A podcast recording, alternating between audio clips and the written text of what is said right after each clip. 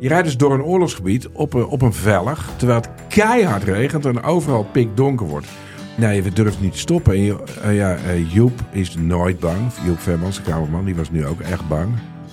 Via podimo.nl slash gonzo luister je de eerste 30 dagen gratis naar Podimo. podimo.nl slash gonzo. De strijd om de miljoenen van Siewert van Liende is losgebarsten. Zowel de staat als zijn stichting eisen de mondkapjeswinst terug. Maar dat die opbrengst in ieder geval niet thuis hoort bij Van Liende, daarover kan toch eigenlijk geen twijfel bestaan. Hoe kon het zo ver komen? Dit is het. We hebben beet. En als Siewert het geld teruggeeft, kunnen wij dit schandaal dan eindelijk loslaten? Je hoort het in de Mondkapjesmiljonairs, exclusief bij Podimo. Ga naar podimo.nl slash mondkapjes.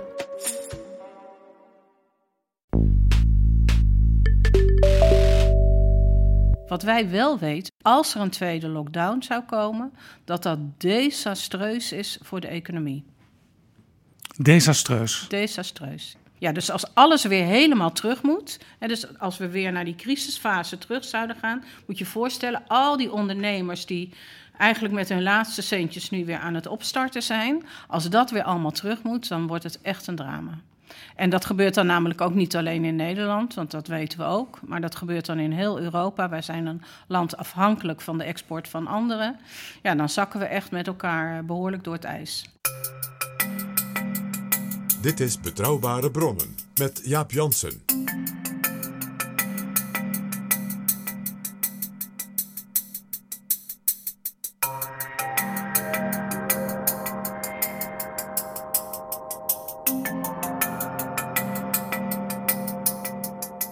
Welkom in Betrouwbare Bronnen, aflevering 114. En welkom ook PG. Dag Jaap. We gaan praten met Mariette Hamer, voorzitter van de Sociaal-Economische Raad. En, en dat is de reden waarom we u hebben uitgenodigd, voorzitter van de Denktank Coronacrisis. Welkom Mariette Hamer. Hallo? Die Denktank is een indrukwekkend gezelschap knappe koppen, afkomstig van Klingendaal, de WRR, het Centraal Planbureau, het Sociaal en Cultureel Planbureau, de Nederlandse Bank, de gemeente, het onderwijs, de zorg, werkgevers, werknemers. U denkt na over economisch en sociaal herstel. Hoe komen we uit deze coronacrisis? En ook heel belangrijk, u wil dat zo praktisch mogelijk doen. We gaan zo de diepte in, maar wat zijn nou in een paar zinnen samengevat de belangrijkste bevindingen? Wat is voor u het allerbelangrijkste waar we nu naar moeten kijken? Ja, het allerbelangrijkste is natuurlijk dat we eigenlijk zo op weg gaan. Hè. Het kabinet heeft een routekaart gemaakt. Uh, wij hebben ons eerste advies geschreven nadat de routekaart er was. Is als je op weg gaat dat je weet waar je heen wil. Uh, en ook dat je weet wat is nou, hè, waarom gaan we op weg? Uh, en hoe willen we ook na het einde van die reis uh, weer bij elkaar uh, zitten. Uh, is het een beetje goed geweest? Hebben we een leuke reis gehad? Nou, dat is in dit geval niet altijd zo, want de reis kent een heleboel hobbelingen. Maar hoe kunnen we toch uiteindelijk aan het einde van die reis zeggen: we zijn er beter uitgekomen dan we op weg gingen? Dit is Betrouwbare Bronnen. U bent zelf negen weken niet op kantoor geweest. Ja. Het sergebouw was grotendeels leeg. Uh, nu begint alles zich langzaam weer een beetje te hernemen. Kunt u zeggen in welke fase we nu zitten? Ja, dat is. Um, uh, ik, ik heb het ergens onparlementair de pruttelfase genoemd. Toen zeiden ze later: dat mag je nooit meer zeggen. Uh, maar het is wel een klein beetje zo. Dus we zijn op gang aan het komen. Als je het vergelijkt met een auto die weer gaat rijden, of een trein, een locomotief die weer gaat rijden, dan zijn we wel van het eerste stationnetje af aan weer op gang aan het komen. En langzamerhand gaat die trein harder. Uh, en ja, misschien op een gegeven moment dat het weer een sneltrein uh, wordt. Maar daar zitten we nu uh, wel aan het begin. En we weten niet precies, dat is het ingewikkelde. We hebben nu gisteren denk ik weer een stationnetje aangedaan. We mogen weer op vakantie. Maar we weten niet precies wat het volgende station is. En ook niet of de trein op een gegeven moment een poosje moet stoppen. Je zou eens kunnen zeggen, we zitten in de opstartfase die kan overgaan in de herstartfase. Ja, dus wij hebben in, het, uh, in ons advies eigenlijk vier fases uh, ondersche uh, onderscheiden. Dus de fase dat we inderdaad allemaal thuis waren of stil zaten... of maar heel beperkt in de vitale beroepen bezig waren. En een heleboel mensen ziek waren. En een heleboel mensen ziek waren, inderdaad, ook dat. en de bedden bezet waren en de ziekenhuizen vol. En de mensen in de zorg dachten, gaan we dit nog wel redden? Ja, precies. Ja, dus echt de crisisfase... Uh, wij zeggen nu inderdaad de opstartfase. Het begint weer op gang te komen. Uh, en de herstartfase hebben wij gedefinieerd uh, als het punt dat er nog geen vaccin is. Dus we hebben nog wel beperkende maatregelen. maar we zijn wel weer, nou ja, om in de beeldspraak te blijven, op stoom aan het komen. Dat is eigenlijk die herstartfase. Ja, dan gaan mensen er tijdvakken aan plakken. Dan denken ze, we hopen dat dat in september zo is. Maar ik denk dat we in september nog tussen de opstart en de herstart in zitten. Ja, want u zei al, we mogen van de minister-president weer op vakantie. Uh, we hebben de afgelopen dagen, we hebben afgelopen week gezien, het zonnetje scheen. De mensen wilden ook zo snel mogelijk weer even het terrasje op. Ja. Lopen we nu niet het gevaar dat we met z'n allen gaan denken, we zijn er al bijna doorheen? Ja, dat is, en dat is natuurlijk ook precies het moeilijke. En dat lijkt me, eh, dat vind ik zelf wel moeilijk. Uh, en dat merk ik ook in, in mijn omgeving. De, de, de, ziekenhuizen zijn weer op orde. Uh, inderdaad, het weer is prachtig. Ja, toevallig vandaag net iets minder, maar het was de afgelopen weken natuurlijk echt stralend weer. Uh, mensen zijn minder ziek. Ehm, dus we denken, ja, het gaat wel weer. Uh, maar het virus is natuurlijk niet weg. Uh, we weten ook nog steeds heel weinig van het virus. We denken in de buitenlucht is het beter. We denken in de zomer wordt het minder. Maar ja, het wordt straks ook weer kouder. Dan gaan we weer naar binnen en we weten niet wat er dan gebeurt. Wat wij wel weten vanuit de denktank is als er een tweede lockdown zou komen, dat dat desastreus is voor de economie. Desastreus. Desastreus, ja. Ja, dus als alles weer helemaal terug moet, hè, dus als we weer naar die crisisfase terug zouden gaan, moet je voorstellen, al die ondernemers die eigenlijk met hun laatste centjes nu weer aan het opstarten zijn, als dat weer allemaal terug moet, dan wordt het echt een drama. En dat gebeurt dan namelijk ook niet alleen in Nederland, want dat weten we ook. Maar dat gebeurt dan in heel Europa. Wij zijn een land afhankelijk van de export van anderen. Ja, dan zakken we echt met elkaar behoorlijk door het ijs. Dan kun je sectoren als toerisme, kunst en cultuur, die zijn dan dodelijk getroffen. Nou ja, die zitten nu al natuurlijk uh, in de penarie. Zeker de kunst en cultuur, want die mogen met 30 mensen dan iets uh, beginnen. Nou, dat is voor heel veel kunst- en cultuurinstellingen niet te doen. Moet je en die hebben dan nu een perspectief dat ze hopen, nou straks bij die 100 en dan kunnen we misschien weer iets. En dan over een half jaar kunnen we misschien nog weer verder. Ja, als dat ergens in oktober weer terug zou moeten. Ik denk ook dat we met z'n allen dan heel somber worden. Dus en dat moeten we echt voorkomen. En waarschijnlijk zijn de diepe zakken van Wopke Hoekstra dan ook langzamerhand leeg aan het raken. Nou, dat is ook een probleem. Uh, maar, maar ja, ik denk, je, neem het wat, het is een probleem. Ja. ja. Op één punt gaat het eigenlijk al best wel heel goed. Dat zijn de aandelenbeurzen. Overal zie je forse waardestijgingen. Natuurlijk in de healthcare en in de tech. Eigenlijk overal. En volgens een specialist van ABN AMRO loopt de beurs zes à negen maanden vooruit op de echte economie. Dus met andere woorden, nog even en het is echt weer zoals het was. Ja, dat is natuurlijk, dat was aan het begin van, van uh, de lockdown natuurlijk ook de gedachte. We gaan eventjes een diepe crisis in, maar dan wordt het zomer en dan gaan we allemaal weer geld verdienen en dan komt het goed. Uh, ik heb geleerd geen voorspellingen te doen. We weten in ieder geval inmiddels nu van het CPB dat zij zelf niet meer verwachten dat we die V gaan maken. sommigen spreken nu over een U, anderen spreken over een L. Uh, ja, nou, even de voor de helderheid. Ergens langdurig omhoog gaat, krijg je een, een heel L, woord. Ja, even. ja. De L is als uh, de grafiek van de economie ineens naar beneden gaat en heel gaat, lang laag blijft. En dan ja. heel lang op ja, en nu, we zien, ja, en dan, en dan zeg maar niet helemaal plat, dus wel een beetje omhoog. Dus je zou kunnen zeggen, we zien nu heel miniem natuurlijk, toch ja. weer een heel klein beetje omhoog. Maar we weten niet waar, op welk punt hij blijft. Dus ik ga me niet wagen aan voorspellingen. Nee, en een V is wat we misschien nu wel op de aandelenbeurzen zien, maar ook dat kan een W worden, hè, weer een volgende ja, klap. Precies, ja. En we zouden misschien, gezien deze omstandigheden, blij mogen zijn als samenleving als het een U blijkt te zijn. Ja, Namelijk, precies. we gaan er wel uit, maar het duurt iets langer. Ja, ja, ik denk dat we ons daar gewoon op moeten instellen. Dat dat de meest veilige eh, methode is om te doen. Want Ja. dan kun je ook eh, uiteindelijk beleid maken bij die routekaart. En dat is wel heel hard nodig. En als het dan meevalt, prima. En als u het woord desastreus gebruikt, mocht er een tweede coronagolf Ja. komen, ja, dan zou ook een depressie aan de orde kunnen zijn, Ja, zoals dan een kan eeuw er van geleden. alles eh, aan de orde zijn. Hè. Kijk, we hebben nu een economische crisis. Eh, wat we ook moeten zien te voorkomen is dat de economische crisis doorslaat naar een financiële eh, crisis en een crisis op de huizenmarkt. Hè, dat hebben we natuurlijk in het verleden gezien. Ja, en nog erger, dan krijg je, dan noem je een structuurcrisis. Maar dan krijgen we dus echt ook een probleem met onze euro en met allerlei dingen. Nou, daar wil je het liefst helemaal van wegblijven. Hè, dus vandaar dat ons advies is, stel je nou in op een periode waarin je in ieder geval rekening houdt dat het langer duurt. Maar vervolgens zeggen we wel, ga die periode ook benutten om die dingen die je al van plan was om te gaan doen. Denk aan klimaatbeleid, denk aan beleid rondom digitalisering. Eh, nou, ik heb eerder met jullie over de hele jonge generatie gesproken. En ga die dingen nu doen. Want de neiging is om bij een crisis te denken: oh, dan zetten we alles on hold. En wij zeggen juist: nee, je moet dingen gaan doen.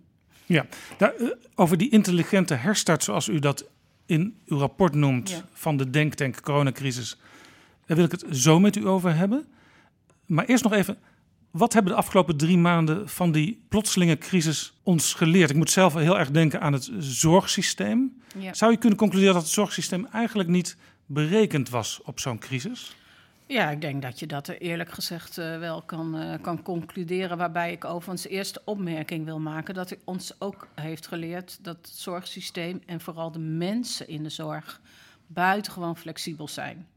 Dus je kan heel lang over systemen praten. Het gaat uiteindelijk om de mensen die het doen. En chapeau eh, voor de mensen die dat gedaan hebben. En nou, ik geloof dat we gisteren hoorden hè, dat er inmiddels voor een tweede lockdown genoeg beschermingsmiddelen zouden zijn. En we zagen ook de schappen gisteren.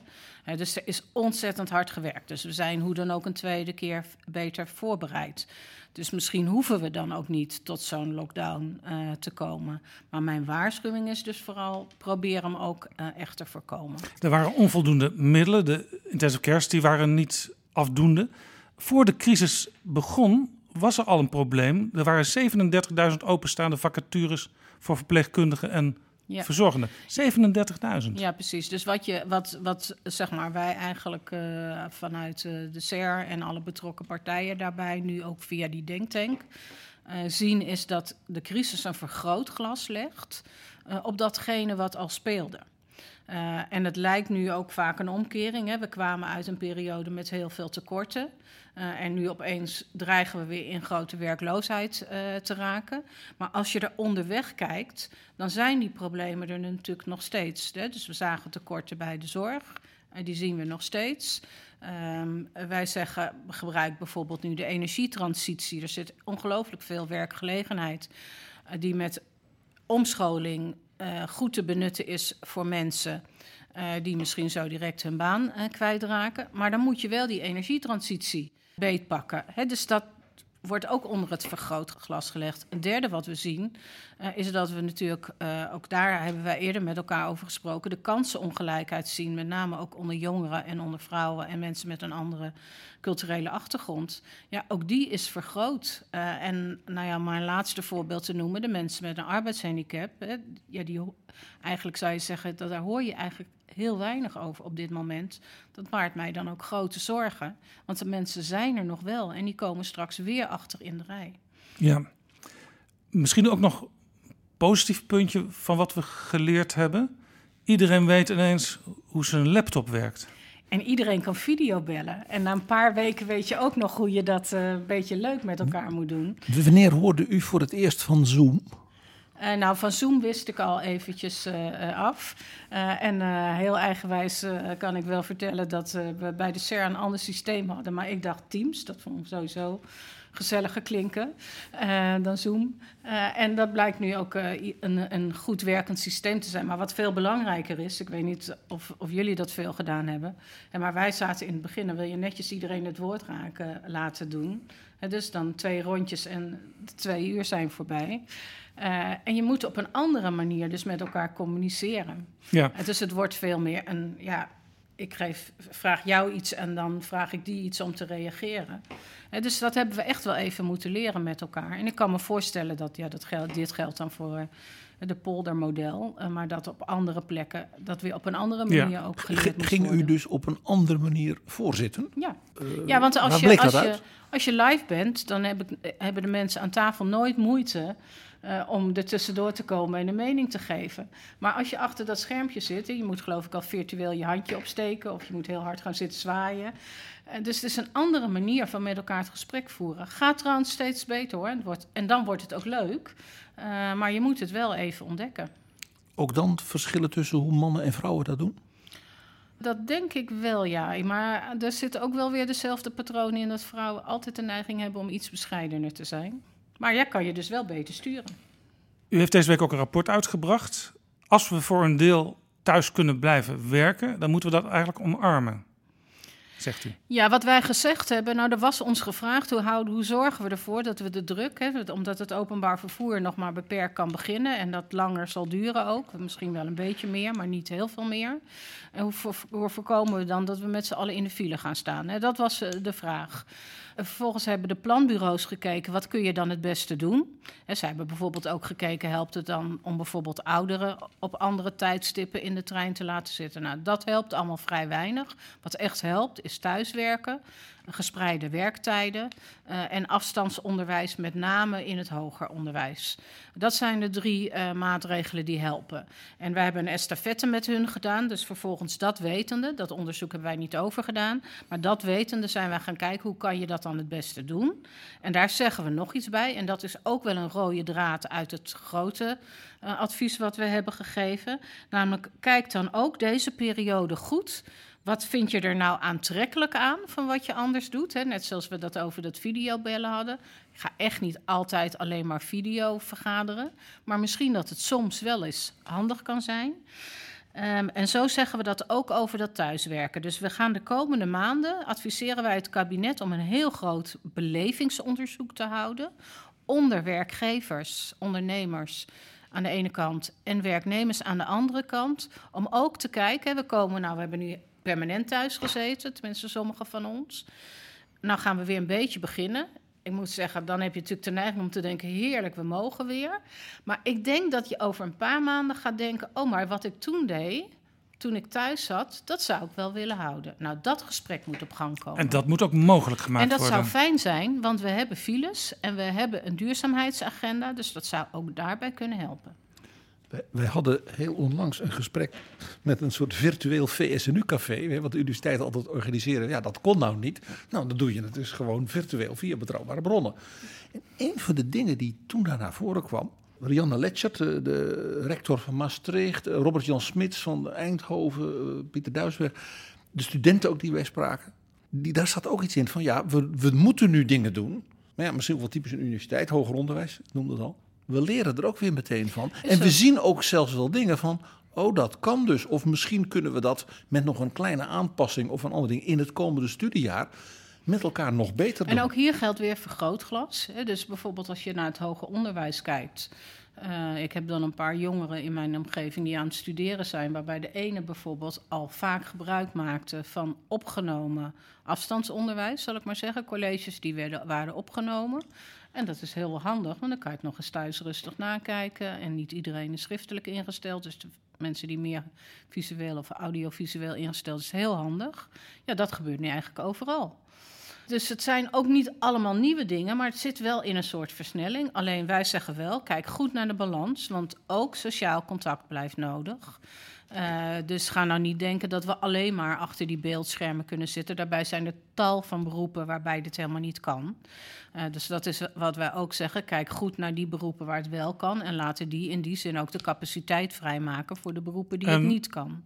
Die het niet kunnen. En is het allemaal puur zaak van vrijwilligheid? Of zou je bijvoorbeeld ook kunnen sturen, bijvoorbeeld door bepaalde tijdvakken aan de OV-studentenkaart te koppelen? Nou ja, kijk wat je kan doen. eh, daar hebben de planbureaus ook vooral naar gekeken. eh, Dat sommige financiële prikkels kunnen natuurlijk helpen. Eh, in, in de mate waarin je het aantrekkelijk maakt eh, om te reizen. Wij zeggen bijvoorbeeld bij dat thuiswerken weer iets anders. Ook vergrootglas. Hè. We weten al heel lang dat kinderopvang heel belangrijk is. Eh, nou denkt iedereen thuiswerken, dan hoeft die kinderopvang niet meer. Maar ik kan je echt verzekeren, als je kinderen tussen 0 en 4 hebt... dan komt er niet zoveel van thuiswerken terecht.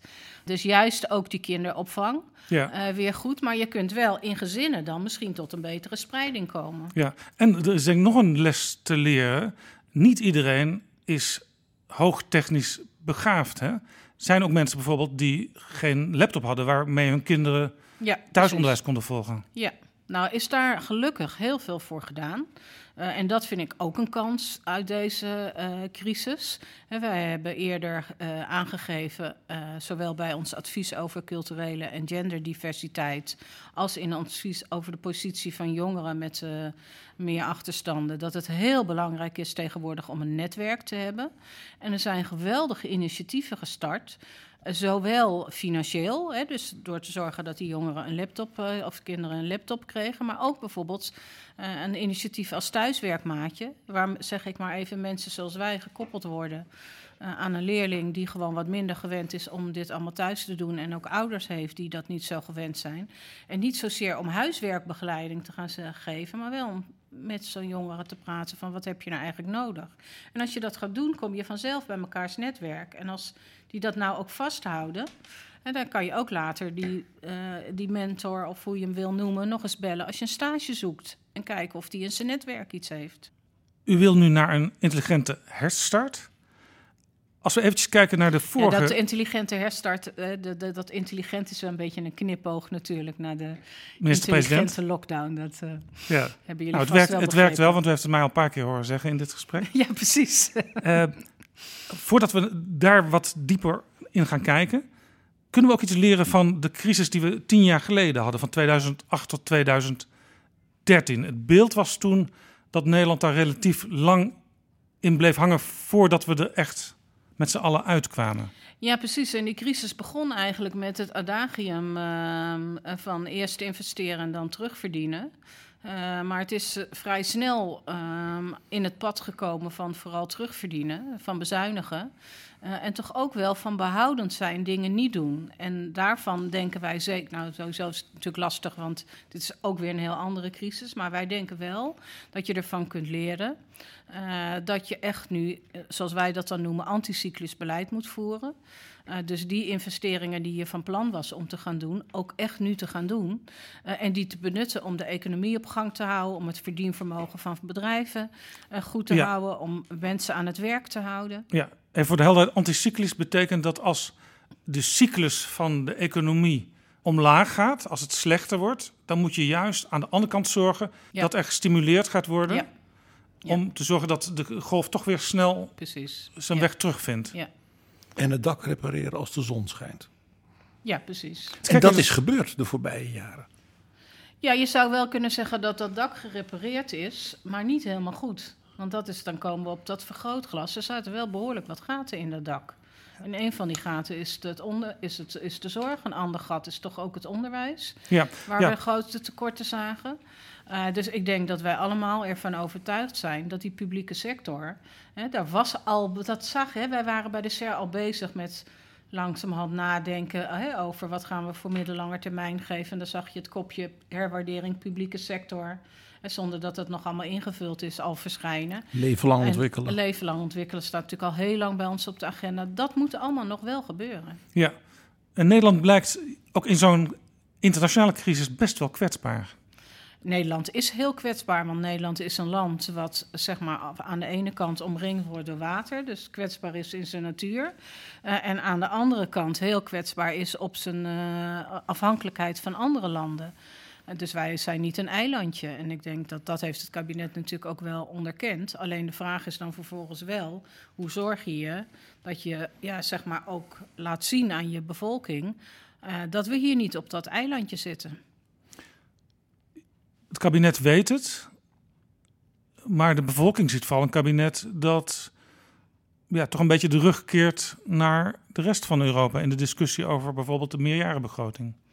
Ja, ze, nou ja, kijk, een kabinet uh, is natuurlijk gewoon aan het onderhandelen. En ik heb altijd geleerd dat je onderhandelaars, vind ik zelf ook niet prettig, en niet te veel moet storen met hun onderhandelingen. Dus zeg maar, eh, dat, dat proces begrijp ik wel. Alleen als je dat niet doet op een manier waarop en degene met wie je onderhandelt begrijpt wat je aan het doen bent en je eigen achterban, in dit geval de burgers, niet meeneemt in uh, zeg maar toch ook het belang van waarom je onderhandelt. En het belang is uiteindelijk dat Europa wat solidair is met elkaar.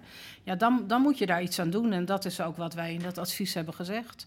Mathieu Segers zei heel onlangs in gesprek met ons. Een van de dingen die hem dus zeer trof, dat hij zei dat Angela Merkel anders dan bijvoorbeeld vijf jaar geleden, en zelfs anders dan in die vorige crisis, toen was ze ook al kanselier, dat nu heel nadrukkelijk doet. Hij zegt, die is heel erg bezig de Duitsers voortdurend te zeggen... u beseft toch met mij wel samen dat voor Duitsland dit en dit en dit... bijvoorbeeld wereldwijd en Europees van belang is... en dat wij dus nu ook iets moeten doen. En hij zei, ik mis dat een beetje, zei hij toen. Ja, nou ja, goed, even los van uh, of een ander dat dan doet. Hè. Dus wij zeggen in ons advies, kabinet want het is dan ook een advies aan het kabinet. Maar ook overigens over de hoofden van het, uh, over het hoofden van het kabinet heen naar de Nederlandse bevolking. Realiseer je hoe hard wij Europa nodig hebben. En als Europa zeg maar, als geheel niet functioneert. En als het in de landen waar het kwetsbaar is, bijvoorbeeld straks hele grote jeugdwerkeloosheid uh, ontstaat. Dan hebben we daar zelf last van. Ja.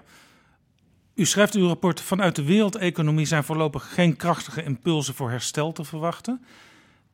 Ik kan me voorstellen dat u daarbij ook denkt aan de handelsoorlog die al woedde tussen de Verenigde Staten en China. Ja. Betekent dit ook dat we ons eigenlijk meer dan ooit, vooral nu op die Europese binnenmarkt, moeten richten? Ja, nou ja, en, en op, op de Europese binnenmarkt. Hè, dat zijn meerdere redenen ook voor. Hè. We hebben ook gezien aan het tekort aan allerlei middelen. Uh, dus dat is ook fijn als je dat dichter bij huis hebt. Uh, je moet ook weer dus samen ook zorgen voor voorraden? Ja, precies. Dus, dus daarom is het belangrijk. Maar wij denken ook dat het belangrijk is, als je in geopolitieke zin uh, kijkt, uh, dat het belangrijk is dat Europa zijn plek inneemt, daar waar anderen nu hun plek eigenlijk aan het verliezen zijn. en dat, nou ja, dat zie je natuurlijk op allerlei manieren gebeuren. Dat zie je op handelsgebied gebeuren. Maar de laatste dagen hebben we natuurlijk dat ook op sociaal gebied zien gebeuren, zou je kunnen zeggen. Ja, u waarschuwt in het rapport ook voor een schuldencrisis in Italië. Vond, vond ik heel opmerkelijk gezien de discussie die het Nederlands kabinet voert. U schrijft zelfs: zo'n schuldencrisis, als die in Italië komt, is voor Nederland een groter gevaar dan voor Duitsland of voor Frankrijk. Dat heeft ook met die kwetsbaarheid te ja, maken. Ja, precies, omdat wij natuurlijk ook, hè, zeg maar, Duitsland is minder afhankelijk van Nederland dan Nederland van Duitsland, om maar een simpel voorbeeld te noemen. Dus ja, wij zijn gewoon toch in die zin een klein land wat, wat een hele open economie heeft. Uh, en wat in alles afhankelijk is van, uh, van andere landen. Ja. En dat begint in Europa. Dat geldt overigens. Hè, dat zien we nu bijvoorbeeld. Ja, waar maakt het onderwijs zich zorgen over? Dat de hele uh, stroom van internationale studenten opdroogt. dus wij zijn echt een land wat in alles gebouwd is op internationalisering. Ja. En dan moeten we wel vasthouden. Ja, u zei net al, ik, ik weet hoe het is om te onderhandelen. U bent natuurlijk zelf ook, zou je kunnen zeggen, de voorzitter van alle onderhandelaars van de polder. Ja. En nou zegt de minister-president Mark Rutte, die zegt... voor die miljardenbegroting en dat herstelfonds in Europa... hebben we nog tijd zat om over te praten. Daar hoeven we niet heel snel over te beslissen. Bent u dat met hem eens? Nou, wij zeggen in het advies, uh, maar dus nogmaals, ik ga niet in de onderhandelingspositie zitten treden. Dus hij heeft vast redenen waarom hij dit uh, zegt. Maar wij zeggen, doe het snel. Uh, want het, we hebben geen tijd te verliezen. Uh, en als het zeg maar, om ons heen slecht gaat en als we hier niet uitkomen als Europa, dan hebben we met elkaar een gigaprobleem. Ik las een zeer opmerkelijke uitspraak waarvan ik dacht: als we bij mevrouw Hamer zijn, dan ga ik die voorleggen. En dat oh, was van ongeveer de laatste van wie je, als je de media een beetje volgt, zou verwachten dat hij dat zegt. De president van de Centrale Bank van Italië. En die zei: Wij zijn nu als land door een ongelooflijk diep dal gegaan. Geen land in Europa waar de klappen zo hard waren. Onze economie krijgt enorme dreunen. Wij Italianen zullen nu samen ook moeten beseffen dat we een aantal structurele ingrepen, die we misschien veel te lang hebben laten lopen, En waar wij dus ook zelf kritisch op moeten zijn, zelf moeten oppakken. Toen dacht ik, wauw. Ja, dus dat is overigens ook heel goed, hè, want dat is natuurlijk de zorg die het Nederlandse kabinet heeft. En die mogen ze hebben. Dus iedereen die denkt dat wij zeggen blanco check, doe maar, dat is natuurlijk ook niet waar. Alleen waar we op reageren is, hè, daarom zeg ik, waar wij het over hebben, is waar zijn we op weg naartoe en hoe willen we dat de sfeer op reis is. En wij zeggen. Maar, maar wat, de, wat de Italiaanse bankpresident zei, is eigenlijk voor een deel wat u zegt. Ja, we hebben nu een enorme klap. Nee, en we zullen nu de dingen moeten doen die we sowieso moeten doen. Ja, precies, dat zegt hij. En ik vind ook eh, zeg maar belangrijk dat hij zegt: wij zullen zelf, Italië, ook dingen moeten doen. En dat is natuurlijk wat ik het kabinet ook hoor zeggen. Het is belangrijk dat er erkenning komt. eh, voor het feit dat er daar ook iets moet gebeuren. Dus het is heel belangrijk dat hij dat zegt. Dat neemt niet weg dat wij zeg maar een beetje overkoepelend daarboven hangend, want dat is onze rol, zeggen kijk nou goed, waar ben je op weg naartoe en hoe is die sfeer? En voor die sfeer onderweg is het echt ontzettend belangrijk dat dat brede welvaartsbegrip dat wij gebruiken. Ja, dat- welvaart is meer dan alleen de Ja, dus- keiharde ja, economische dus, cijfers. Dus, dus de SER gaat al heel lang uit van brede welvaartsbegrip. En dat hebben al die andere organisaties nu met ons gedeeld. En dat zegt economie. Eh, ik zeg maar even simpel natuur eh, is, eh, eh, en, ehm, en de mens, hè, de sociale kant, die moeten hand in hand gaan. Ja, mensen moeten zich prettig voelen, en- moeten zich en ook die kunnen systemen ontwikkelen. moeten als het ware solidair met elkaar zijn. En dat zeggen we ook hè, over de entiteit Europa. Ja, Dus wij zouden bijvoorbeeld Italië als land, met- wat daar heel goed in is, een beetje kunnen helpen met het ontwikkelen van een fatsoenlijk pensioensysteem. Bijvoorbeeld. En ik zou me ook kunnen voorstellen dat je op allerlei manieren kijkt hoe je kan helpen. ja, moeten we natuurlijk wel als Nederland zelf ook een goed nieuw pensioensysteem hebben. Nou, dat eh zon schijnt. Wie weet. Komt dat de komende weken? Want de belofte was voor de zomer is alles rond. Wij houden altijd goede hoop, zeggen we dan. Nee, maar... maar- ook daarvoor geldt onderhandelaars niet storen. U hebt daar zicht op. Hè? Het is een kwestie echt van een paar weken als ik naar de agenda kijk. De bedoeling, dat was de bedoeling. Maar het blijkt ook altijd eh, beter net ietsje langer en beter dan iets te snel.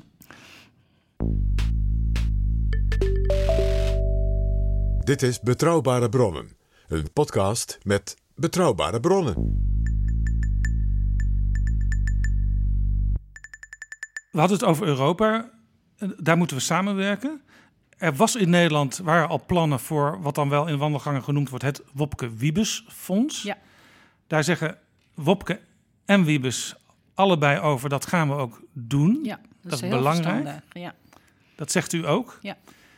Maar denkt u toch niet met al uw ervaring, ook zelf in de politiek gezeten, ja, dat zegt iedereen nou wel, maar zitten we toch niet over één, anderhalf jaar kabinetsformatie hebben we dan ook gehad, toch weer aan de vooravond van nieuwe bezuinigingen? Nou ja, dat is dus het spannende. Want het is, eh, en dat bedoel, eh, dat bedoel ik zeker niet onaardig, maar het is voor dit kabinet in die, in die zin. eh, ja, nog wel, eigenlijk wel makkelijk om dat nu te zeggen. Want die begroting, ja, die komt uiteindelijk, hè, die kosten komen voor een deel daarna. Maar daarom is het ook zo belangrijk, dat heb ik ook in mijn eigen politieke geschiedenis geleerd, dat je een paar afspraken met elkaar maakt tijdens de crisis. En zo heb ik zelf ooit een motie ingediend ehm, eh, over het onderwijs, waarvan ik zei: ga nou niet zwaar bezuinigen in de periode van een crisis.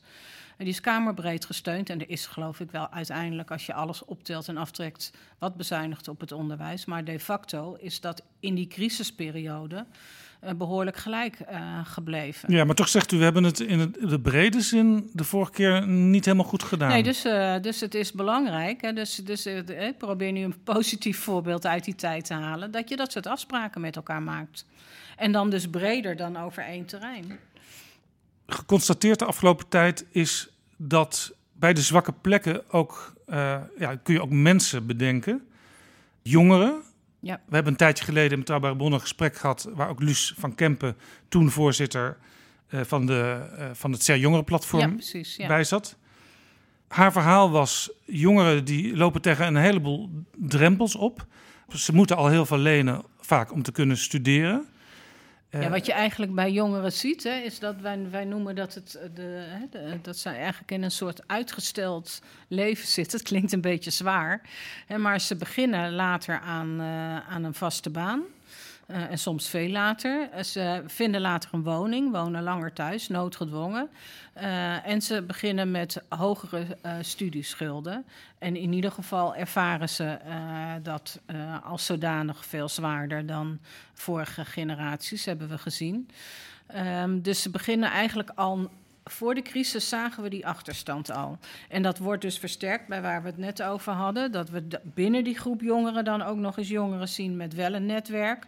En jongeren zonder een netwerk. En die zonder dat netwerk, die hebben eigenlijk nog weer moeilijker om zeg maar, door dat pad heen te komen. Wat we nu zien, dat is waar wij ons ook echt heel veel zorgen over maken. Dat als je nu kijkt naar de generatie die voor het eerst nu zeg maar, aan het werk zou gaan, of die net eh, aan de gang waren gegaan het afgelopen jaar.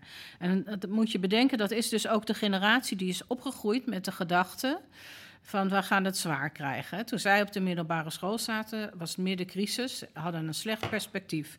Vervolgens ging het razend boom omhoog met de economie. Werden ze ongeveer van de schoolbanken eh, gesleurd. Heel veel eh, studenten aan HBO, MBO en ook universiteitsopleidingen combineren het inmiddels met werk.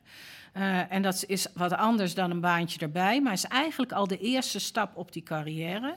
Eh, omdat die mensen zo hard nodig waren en omdat, nou ja, dat uitgestelde leven gaf ik net aan. Dus de noodzaak om snel meer te gaan verdienen is ook. En die krijgt nu weer opeens, boem, Die vliegen Die er nu allemaal als eerste die uit. vliegen er nu allemaal uit. Dus die maken in hun korte leven, eigenlijk komen ze uit een crisis, waren opeens gewild en nu gaat het weer weg. Dus wij doen een hele ernstige oproep aan werkgevers, eh, maar ook aan de overheid. eh, van let op deze generatie. Eh, want het is echt zaak om die er goed, goed bij te houden. Zou je niet wat Han Busker afgelopen week suggereerde... en Peter de Waard, economieredacteur van de Volkskrant... die onlangs in Betrouwbare Bronnen te gast was, die zegt het ook... zou je niet, klinkt misschien raar, maar toch weer iets van een fut misschien moeten... Nou ja, daar zijn bij dat eh, befaamde pensioenakkoord eh, waar we het net over hadden, waar nu de uitwerking van, lo- van loopt, natuurlijk afspraken gemaakt. Eh, om zeker daar waar het in beroepen lastig is, om mensen wel de kans te geven eh, om er eerder uit te gaan. En om dan we- ook voor jongeren het mogelijk te maken sneller Precies, nou dat was toen niet de doelstelling. De doelstelling was ook wel, zat er wel een beetje achter, we kunnen al die mensen niet zomaar missen, want we hebben al zoveel tekorten.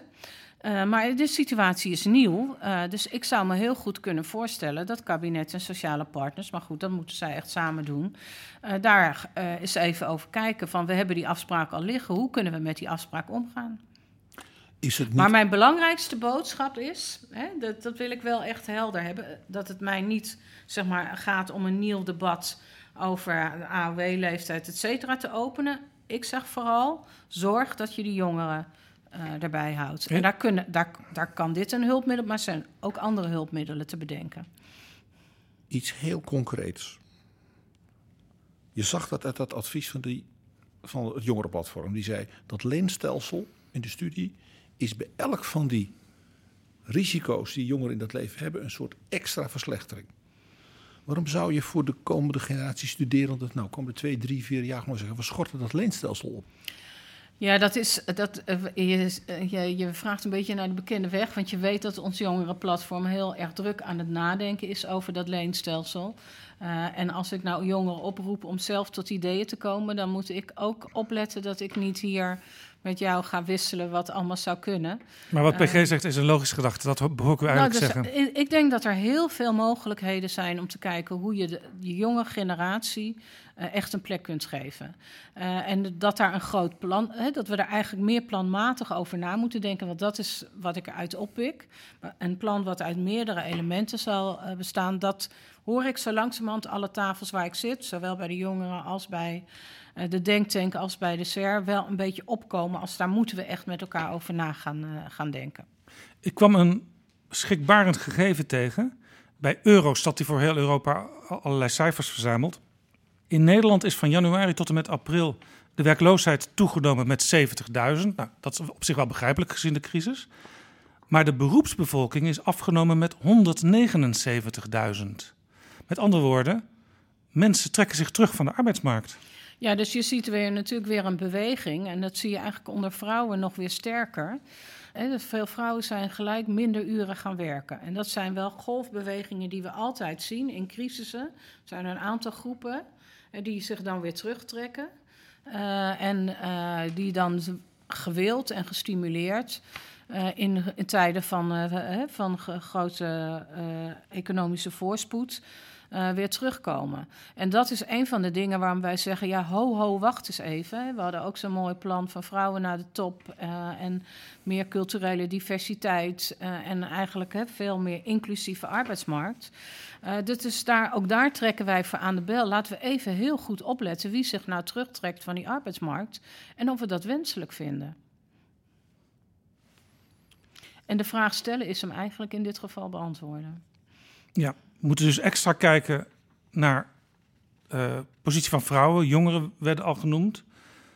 Zelfstandigen en laag opgeleide, ja. noemt u ook in het rapport, ja. zijn ja. ook groepen die, waar echt veel extra problemen kunnen zitten. En de mensen met een arbeidsbeperking, hè, waar we natuurlijk ook allemaal plannen voor hadden om die extra aan het werk te laten komen. Wat al moeilijk was voor de crisis.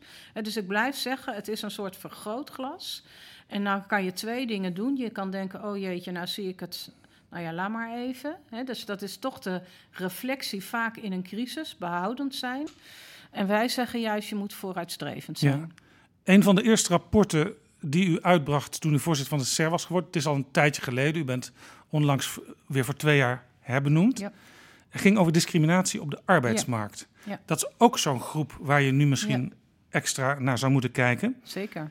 Dacht u ook hier aan toen u de afgelopen week al die demonstraties in de wereld en ook in Nederland, in Amsterdam, ja, in nou, Rotterdam, Den Haag zag? Eh, we, we hebben, dat was het eerste rapport. We hebben daarna nog een aantal andere adviezen daarover gegeven. Dus het is bij ons wel een thema wat steeds terugkomt. En wat eigenlijk mij het meeste doet denken aan het meest recente rapport, wat in het nieuws is gekomen, veel over het vrouwenquotum, maar wat eigenlijk ging over gender en culturele diversiteit breed op de arbeidsmarkt.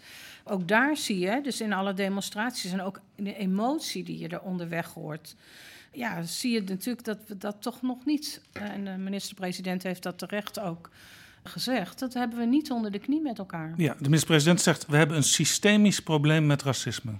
Ja.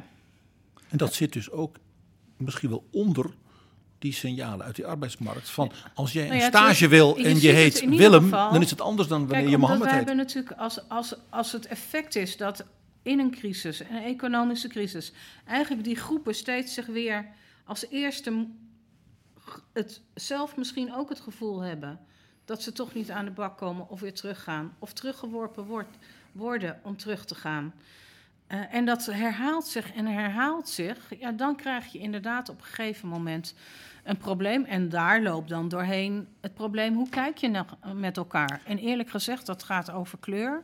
Uh, maar dat gaat ook nog steeds over mannen en vrouwen. Toen wij dat advies uitbrachten uh, over uh, de, het vrouwen, over de gender en, en, het, en het vrouwenquotum. toen, wat doe ik eigenlijk nooit meer, is zelf een tweet, tweetje sturen over iets wat we adviseren. Want dat doen mijn medewerkers, dus dat kan ik gewoon rustig retweeten. Maar ik heb één keer gewaagd om daar zelf een positief tweetje over te schrijven. En wat je dan over je heen krijgt is werkelijk niet uh, te geloven. Dat je echt denkt, ja, leven we nu in 2020? Wat krijgt u over u heen? Nou ja, we hadden echt teksten van... Uh, gaan die vrouwen terug naar het aanrecht... en wat moeten die in de top van het bedrijf... en u bent er zelf alleen maar gekomen... Uh, omdat nou ja, u allemaal vriendjes hadden die u hielpen. Nou, persoonlijk ben ik opgegroeid in Amsterdam-West... in een tijd dat het daar niet best was... Hebben mijn ouders niet gestudeerd, ben ik in alles ongeveer de eerste geweest in mijn familie. Uh, uh, en heb ik ook niet het idee dat ik via vriendjespolitiek überhaupt ergens terecht ben gekomen, maar echt door gewoon zelf heel hard te knokken. En dat geldt niet voor mij, maar dat geldt voor heel veel vrouwen. Ja. En dat geldt dus ook voor heel veel mensen met een andere achtergrond. Premier Rutte zegt: je moet normeren, een actieplan helpt niet. Nou, je moet natuurlijk het, je moet aanspreken en je moet het veroordelen en je moet het, maar je moet ook eh, concreet eh, worden. Want we kunnen erover praten, maar uiteindelijk praten alleen helpt niet. Dus Je wel moet zorgen een dat- actieplan. Precies, je moet ook zorgen dat je plek maakt. Dus ook in de politiek, je kan nog zoveel praten over een gelijke verdeling tussen mannen en vrouwen, mensen met een ander, andere achtergrond. Maar ik zeg toch, het werkt het beste bij die partijen die gewoon zeggen: we willen er zoveel en we willen er zoveel. En ze zijn er. Ja, dus concluderend, eh, want daar pleit u al langer voor. Quota, die zijn soms nodig. Ja, en de quota is een rotwoord. Dus, het, dus ik zeg liever zorg dat, er dat er plaats is. Dat je met elkaar plaats maakt voor dat geheel, voor die jongeren. Want dat quota is gewoon een naar woord. Ehm, eh, en roept ook blijkbaar de verkeerde associatie op. Maar de, maar de achterliggende, ehm, daar was ik even zo fel over die tweets. Daar zit iets anders achter en onder, wat ik in ieder geval de nieuwe generatie niet toewens. Ja, nou was natuurlijk ook het probleem de afgelopen dagen. Het ging eigenlijk minder over racisme en meer over mag je wel met z'n allen op zo'n plein staan, zo dicht bij elkaar. Nou las ik ergens in uw rapport ook een soort opmerking van ja, die anderhalve meter samenleving. Is dat wel iets wat we op de wat langere termijn kunnen handhaven? Nou, waar wij ons wel een beetje zorgen over maken, ik geloof dat het, eh, de planbureaus dat ook in een advies wel hebben eh, gezegd, eh, want die hebben gelijktijdig meer vanuit hun perspectief ook nog eh, eh, wat meer cijfermatig onderbouwd advies gegeven. Maar die hebben hier ook wel iets, iets eh, over gezegd, namelijk, het, en dat zeggen wij ook in het, in het brede rapport, eh, de anderhalve meter is een instrument. Ehm, en hij is op nu, op dit moment... Het is best- geen doel. Nee, het is geen doel, het is een instrument. En het is het beste instrument, zeg ik wel in alle eerlijkheid, wat we nu over de hele breedte kennen. Dus ik zeg niet laat hem los. Maar ik zeg wel, daar waar je alternatieven hebt, moet je wel serieus naar die alternatieven kijken. Op sommige en dat is wat anders dan dat je zegt laat maar los of doe maar. Maar er zijn ook alternatieven te verzinnen en soms combinaties te verzinnen, eh, waardoor je het eh, toch net iets creatiever kan. Nou, dat, daar vragen wij eh, ruimte voor. is natuurlijk een ander debat over wat er de afgelopen dagen is gebeurd. En daar is natuurlijk een, gewoon een duivels dilemma aan de gang. En ehm, ja, we hebben ook gezien dat zoals het in Den Haag ging, is het natuurlijk geweldig te combineren. Eh, dus laten we de tegenstelling in die zin ook niet groter maken dan die moet zijn. Eh, de laatste keer dat wij een uitgebreid gesprek met u hadden, dat was in het gebouw van de SER. Wij zaten beneden in de foyer. Er kwamen allerlei mensen langs met wie we gesprek hadden, wat u had, een open huis. Ja, precies. En dat ja. was een beetje de start van uw Ja. jubileumfeest. Ja, precies. Ja. U had vast op dat moment in oktober niet gedacht dat de agenda van dat jubileumjaar zo zou zijn. Nee. En dat dat zou worden samengevat in het woord pruttelfase. Eh, ja, nee, maar dat zei ik over dat we nu op gang waren te komen. En we kwamen uit een crisisfase. nee, wij waren echt van plan. Hè, dat open huis was eigenlijk het, het startpunt van eh, ook de SER on Tour. Hè, we hebben overigens een van die bijeenkomsten ook gehad in Amsterdam. Zijn we mensen op gaan zoeken. Dat willen we, wilden we ook in Groningen en in, eh, in Eindhoven gaan doen. Overigens, Wijnwaarden niet alleen zouden feest vieren dit jaar, de Stichting van de Arbeid. Nog ietsje ouder dan wij, 75. eh, had ook een groot eh, mooi congres met de koning eh, erbij in de planning. Ja, dat is allemaal niet doorgegaan. Aan de andere kant ja, hebben we het stiller gehad in de, bij de CR. Nou nee, Eh, dus die denktank eh, die wel echt ook weer vernieuwing in de polder is. En waarvan ik eerlijk gezegd ook stiekem hoop dat niet zo intensief als we het nu doen. En niet met de aanleiding waarin we het nu doen. Maar dat we iets van die vorm van met zoveel partijen die zoveel kennis hebben. Eh, inclusief de sociale partners in dat brede debat. eh, en ik krijg nog elke dag verzoeken van mogen we meedoen. Dus we zijn heel hardnekkig, a- hard aan het nadenken hoe kunnen we dat op een goede manier faciliteren. Dat er een breed gesprek in Nederland nodig is over onze toekomst. Dat zat wel een beetje in wat wij met die 70 jaar wilden gaan laten zien. En dat is niet verdwenen. Dat is eigenlijk sterker geworden. Is dit verjaardagsfeest van een jaar, u zegt zelf net die denktank, ook een soort heruitvinding van die polder zelf aan het worden? Ja, ook daarvan denk ik, misschien leggen we daar ook nu een vergrootglas van. En was dat al bezig? Want ik heb eigenlijk sinds de dag dat ik hier zat gemerkt dat er heel veel behoefte is eh, aan ja, toch wat wij dan noemen polderen met elkaar. Want polder is ook weer zo'n woord. En maar met elkaar bezig zijn, samen die toekomst te scheppen. Met heel veel partijen en mensen. Uh, en waar wij dus over aan het nadenken zijn. We doen dat nu natuurlijk en terecht ook met partijen die een brede achterban hebben. En daarmee uh, ook veel mensen vertegenwoordigen. Maar je zou in een moderne samenleving daar de, de burger, om het zo maar te zeggen, ook direct erbij willen betrekken. Nou, daar is misschien dit jaar wel een mooie nieuwe opstart voor. Alexander Pechtel, toen hij nog in de Tweede Kamer zat, die riep ooit een kabinet op aan het werk te gaan. En hij kwam met een heleboel rapporten. Die nam hij mee de plenaire zaal Ik in. was erbij. Ik zat naar zijn rug te kijken. Ja. En op een gegeven moment werd er geroepen: uh, zal ik er een nietje doorheen slaan? Ja.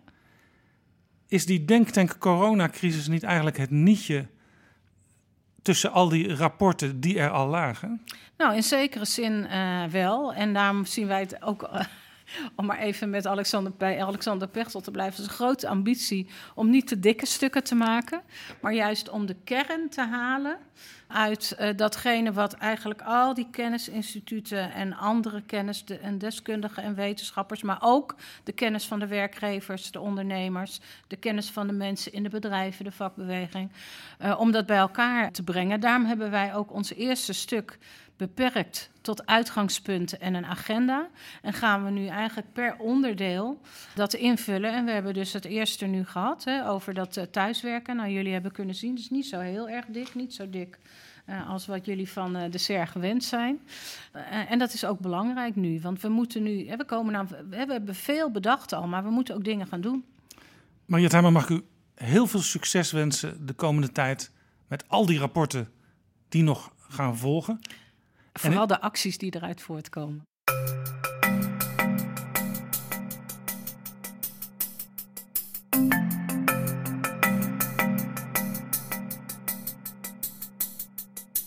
Zo, dit was Betrouwbare Bronnen, aflevering 114.